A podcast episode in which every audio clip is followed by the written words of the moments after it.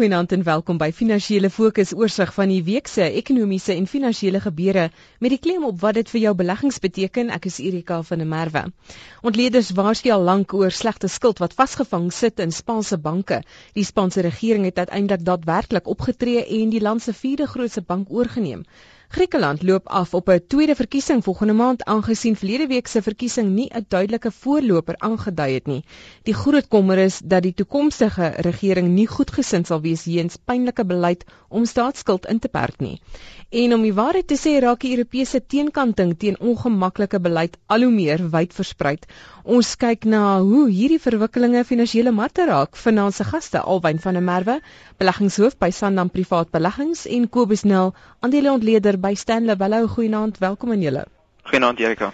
Goeienaand Erika. Alwyn, hoe sou jy die week se markreaksie beskryf? Ek dink meeste van die dae het markte negatief verhandel. Redelike groot skaalse afverkoop en dit sluit ook Spaanse skuld in wat nou teen ongemaklike hoë koerse verhandel. Ja, Erika, die die week het op 'n baie negatiewe voet begin en jy sal onthou dat verlede naweek het ons die verkiesings in Frankryk gehad. Dit moet president Sarkozy wat nie meer in die stoel sit nie. Dit het mense bekommerd gemaak want dit is anti-Europees. En daarna het ons natuurlik ook die verkiesings gehad in Griekeland wat ook nie uitkomste gehad het waarvan beleggingsmarkte gehou het nie. Ehm um, en dan jy maar net in die algemeen swakkerige makro-ekonomiese syfers gekry wat baie druk geplaas het op aandelepryse. Maar is baie interessant jy het verwys na die verwikkeling in Spanje en toe ons gesien het donderdag het ons die aankondiging gekry het dat die Spaanse regering basies beheer oorneem van Bankia, uh het die mark net eenvoudig omgeswaai. Ons het ook 'n uh, syfer werkloosheidsyfer of 'n uh, indiensnemingssyfer in Amerika gekry wat 'n bietjie beter is wat die mark verwag het en skielik het die sentiment net omgeswaai en het ons 'n uh, uh, baie sterk herstel gekry op internasionale markte en ook op ons eie mark. Ek dink in kort gestel is op die oomblik kry ons maar net 'n uh, mark wat baie sterk emosioneel gedryf word en wat 'n besluit vandag wat baie goeie besluit lyk, dan môre na baie slegte besluit lyk. Kobus as as jy nou sit in 'n instansie soos waar jy nou sit en mens moet seker sekere riglyne hê, jy moet langtermyn kyk na langtermyn horison. Hoe hanteer julle die onsekerheid? Ja, ek dink jy weet as mens na Europa kyk en die en die krisis wat daar so uitspeel, ehm um, jy weet dit is struktureel van aard dink ek. En ehm um, jy weet ek dink alhoewel die mark se kon ooreenstemming het jy weet dat dat Griekeland op op een of ander stadium uit die uit die eurozone gaan beweeg. Uh, nee, is is daar maar jy weet baie onsekerheid ek dink oor oor die hele omgewing en, en en ek dink die groot probleem is jy weet mense kry hierdie verskillende uh, van die strukturele ekonomiese verskille um, tussen hierdie lande wat van kultuur na arbeid na ja, mense kan self dit steur van al ekonomiese drywers toe En ongelukkig, jy weet, is 'n volhoubare oplossing op hierdie stadium nie iets wat wat jy weet wat ons kan sien wat realisties is nie. Jy weet en ek ek dink die die plan, die langertermynplan is om om om hierdie situasie te beheer in die korttermyn en en hopelik op 'n langertermynbasis op op 'n meer stabiele platform te wees sodat ehm um, jy weet die herstrukturering kan plaasvind. Nou met dit alles is daar baie onsekerheid en en volatiliteit waarmee saamgaan, maar ek dink jy weet in in breër trekker, jy weet moet 'n ou kyk na die moontlike langertermyn uitkoms van die van die scenario en jy weet ehm um, of of hulle dit op 'n ordelike wyse gaan kan doen. Jy weet, sal mens maar eers moet sien. Um, ek dink ook die risiko is altyd daar as jy weet ander lande gaan volg soos Spanje en Portugal, of jy ook nou gepraat het en ehm um, jy weet watter effekte dan kan hê op wêreldgroei. En dan gepraat daarvan alwyn as jy kyk na Bloomberg se nuusdiens, hulle het aan die begin van verlede jare opname gedoen onder hulle intekenaars om te vra reken hulle daar gaan sekere lande die eurostreek verlaat 12 maande vorentoe en toe net iets soos 11% gesê ja, dis moontlik en in hierdie stadium hulle het nou weer gedoen en meer as die helfte het gereken daar gaan 'n verandering wees in die die samestelling van die eurosone. Ja, ek dink in kort dit beteken maar net dat die nuusvloei wat dit aan betref het negatief geraak Erika. Dit is baie interessant dat die Bank Credit Analyst dit is maar uh, 'n navorsingsmaatskappy. Hulle het 'n studie gedoen waar hulle gekyk het wat verkies Europeërs of hulle nog steeds eurosentries wil wees en of hulle voel dat die eurozone moet opbreek. Dit is baie interessant dat die keuse van die Europeër is nog steeds dat hulle eurosentries bly met ander woorde dat die dat die gewone man op straat sou wil hê dat die eurozone moet voortbestaan in sy status quo. En dit ten spyte van die feit dat ek dink die man op straat besef dat as die eurozone sou voortbestaan op 'n manier wat ons dit sou wil sien, dat dit beteken dat dit ekonomies en definitief fiskale pyn sou beteken en dat dit 'n impak gaan hê op die korttermyn of op die mediumtermyn op die op die lewenswyse van van die Europeër op straat. Kobus, wat beteken dit alles vir die pryse van hulpbronne? Ek dink ons moet natuurlik die Chinese storie hierso inbring. Ons het uh, verskeie elemente van Chinese ekonomiese data in die week gesien, onder andere die handelssyfers en daarso hulle invoergroei en uitvoergroei April maand was heelwat stadiger as verwag. So met ander woorde, die mense aan wie hulle verkoop en is Europa en Amerika stel nie so belang in hulle produkte nie en China voer nie so baie van ons hulpbronne in nie. Ja nee, ek ek dink jy weet, um, dit is dis definitief duidelik dat daar 'n verlangsaming is in die groeikoers vergeleke met wat ons dalk die vorige 3 jaar gesien het um, toe ons net uit die finansiële krisis gekom het. Jy weet en ek dink op die oog af um, lyk dit tog asof jy weet asof asof China nog teen 'n redelike tempo kan groei, maar daar is maar onsekerheid. Jy weet, ek dink veral in hulle eiendomsmark, ehm um, jy weet oor oor die huidige prysvlakke en en en die krediete daar rondom. Ehm um, jy weet en ek dink as mens jy weet as mens gaan deurtrek na jy weet wat dit ook vir die aandele beteken ek dink op die oog af lyk baie van hierdie hulpbronmaatskappye aantreklik. Um, jy weet ek dink as mens kyk net na historiese prysverdienste verhoudings van rondom 8 keer um, jy weet jou prys tot boek of netto batewaarde wat wat teen 'n klein diskont toe relatief tot die aandelepryse verhandel op die oomblik.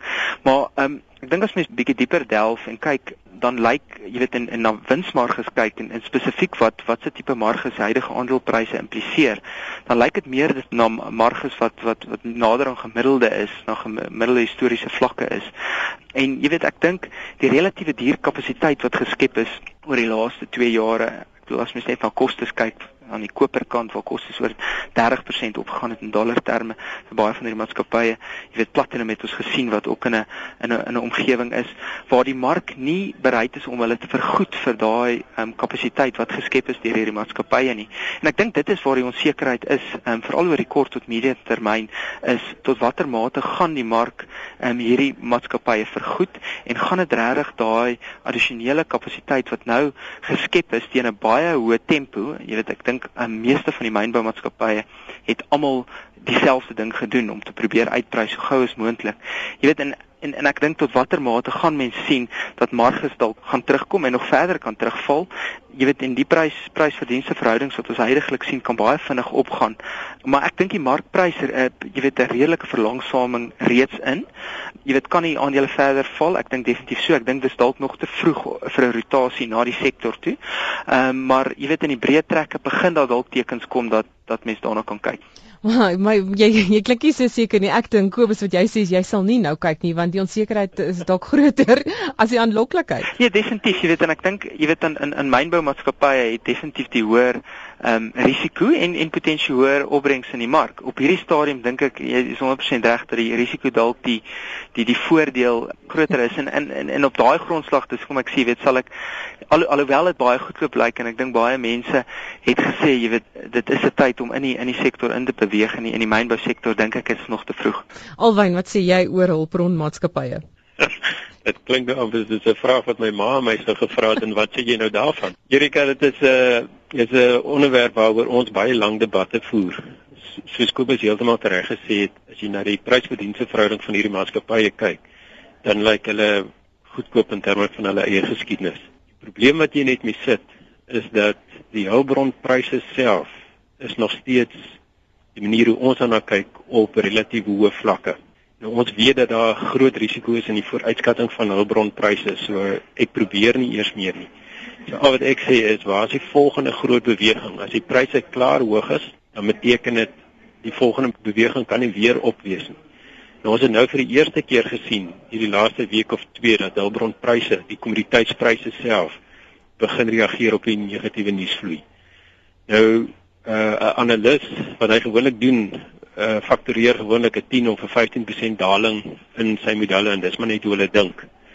Uh ons wat al so 'n bietjie langer in die mark is, weet dat as al bronpryse val, val hulle nie met 10 of 15%, jy kan daai dalings maklik 30, 40, 50% wees en dit kan oor 'n baie kort tyd plaasvind. So dit is hoekom dit die, die waardasie baie moeilik maak. Ons voel dat uh op sekere vlakke jy nou wel moet gaan kyk na van hierdie maatskappye want ten minste gee die waardasie van die aandele self gee vir jou 'n bietjie van 'n buffer maar dit is beslis nie tyd om aggressief te koop nie. Wanneer ons wanneer jy wil aggressief koop in in hierdie maatskappye is wanneer beide die marges laag is, met ander woorde jou verdienste is laag en die waardasie van die aandele is laag. Dit is wanneer jy kan koop en ons het so 'n wonderlike koopgeleentheid gehad laas in 1998-99 en ek dink die marges is nog 'n bietjie hoog. So daarom dink ek mense moet versigtig wees om te aggressief in die sektor te koop. Maar die waardasie self gee mense darem 'n bietjie sekuriteit op hierdie vlakke. En dan 'n verwante saak, ons het mynbou produksiesyfers gesien vir Maart maand. Vir die hele eerste kwartaal het mynbou produksie met 9% gekrimp. So die feit bly nog steeds dat ons mynboumaatskappye nie kan baat vind by die hoër hulpbronpryse nie. En Kobus dan as ek dan aanskuif na die die kleinhandelsektor Spar het syfers gelewer, resultate gelewer. En dis nou weer 'n ander storie hierso waar die mark oorentoesiasties is oor die prestasie van ons kleinhandelmaatskappye. Ja, ek dink jy weet soos van die verlede gesê het, mense mense kry amper die gevoel dat baie van hierdie klein handelsmaatskappye geprys is vir perfeksie. Jy weet en ek dink veral na Spar waar ons nou gesien het in die week met resultate uitgekom het, um, is daar definitiewe tekens dat daar um, afwaartse aanpassings gemaak kan word aan aan verdienste sowel as waardasies in die mark. En ek dink jy weet Spar is maar 'n maatskappy wat hom uitleen sy besigheidsmodel, wat hom uitleen dat marges onder druk kan kom in moeilike handelsomgewing. Jy weet en ek ek dink waar ons baie skerp reële toenames gesien het in salarisse en lone veral uit die publieke sektor as ook jy weet baie sterk ehm um, sosiale spandering uh, wat wat 'n baie groot deel van die mark is en wat spandering gedryf het. Jy weet is daar tekens dat dat dit gaan verlangsaam. Ek dink ook voedselinflasie is besig om te draai en en, en kan dalk 'n laer neig. Jy weet en ek dink in Spar se spesifieke geval, jy weet ehm um, besighede soos hulle of, of afdelings soos hulle tops drankwinkels en en hulle bil iets wat boumateriaal het, lyk asof dit teen sterker um, groeikoerse uh verkoop het teen sterker koerse groei maar maar daai afdelings het laer marges as die res van die besigheid. So ek dink as geheel is die tekens dat marges onder druk kan kom. Jy weet omtrent teen 'n 20 keer in 12 maande vooruit 'n prysverdienste verhouding op hierdie maatskappye lyk dit nog en jy weet relatief duur veral dink ek in jy weet in die omgewing waar ons dalk kan inbeweeg. So dit is jy weet dis maar 'n 'n deel van die mark wat wat wat wat ek en ons sal van wegbly.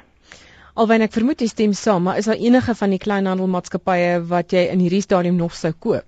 Nee, ons is uit die sektor uit Erika. Ons vind net dit is te duur en en dit is dis die opmerking wat ek maak het absoluut niks te doen met ons persepsie rondom die kwaliteit van hierdie ondernemings nie.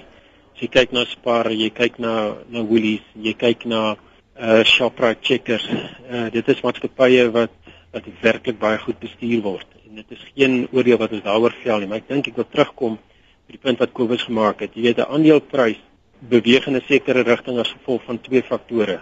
En die een is natuurlik eh, die waardasie met ander woorde die aanslag wat die mark op die op die aandeel sit en die ander ding is natuurlik die operasionele prestasie. En as jy kry dat jou aanslag baie hoog is, soos die woord wat Kobus gebruik het, is as jy dink geprys is vir perfeksie en die maatskappy stel effens te leer relatief tot verwagtinge en dit is wat in die geval van Spar gebeur het. Spar het nog steeds hulle verkope met amper 14% gegroei wat ek dink in hierdie omgewing 'n uitstekende prestasie is. Maar hulle verdienste is met 8.2% op. Nou jy kan nie jou verdienste met 8.2% groei en dan teen 'n prys-verdienste verhouding van 20 keer plus verhandel en verwag dat die mark jou nie gaan finaliseer nie.